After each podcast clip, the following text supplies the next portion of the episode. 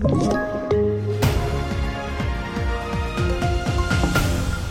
Iran erkänner drönare, det är brister på majoriteten av A-traktorer och den första svenska satelliten på 20 år sköts upp igår.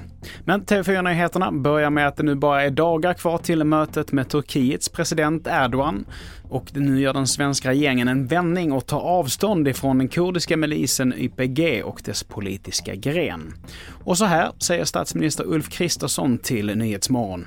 Sverige var nästan först i världen med att erkänna PKK som en terrororganisation. Nu har ju hela EU den ståndpunkten så jag kommer ju understryka det också. Det här är inget nytt ställningstagande, men det är ett allt tydligare ställningstagande i Sverige och att vi kommer agera mer.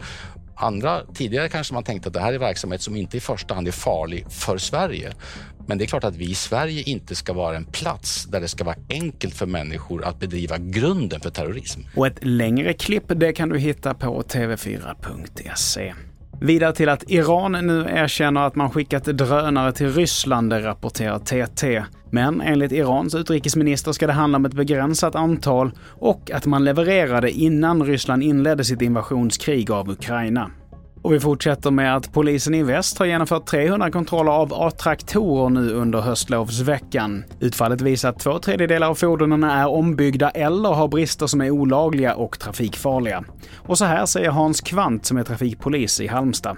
I den bästa av världar så skulle ju den här typen av fordon helt enkelt försvinna från våra vägar och gator. Det, den är inte avsedd för, för lek utan den är ju egentligen avsedd för ett hjälpmedel i jordbruket en gång i tiden. Och sen har det utvecklats i fel riktning helt enkelt. Och med hjälp av myndigheternas naivitet skulle jag vilja säga så har man då kunnat mixtra med vilken typ av bil som helst och få den eh, inregistrerad som en traktor. Och till sist, sent igår kväll fick forskarna kontakt med den svenska satelliten Mats som några timmar tidigare sköts upp i rymden från Nya Zeeland.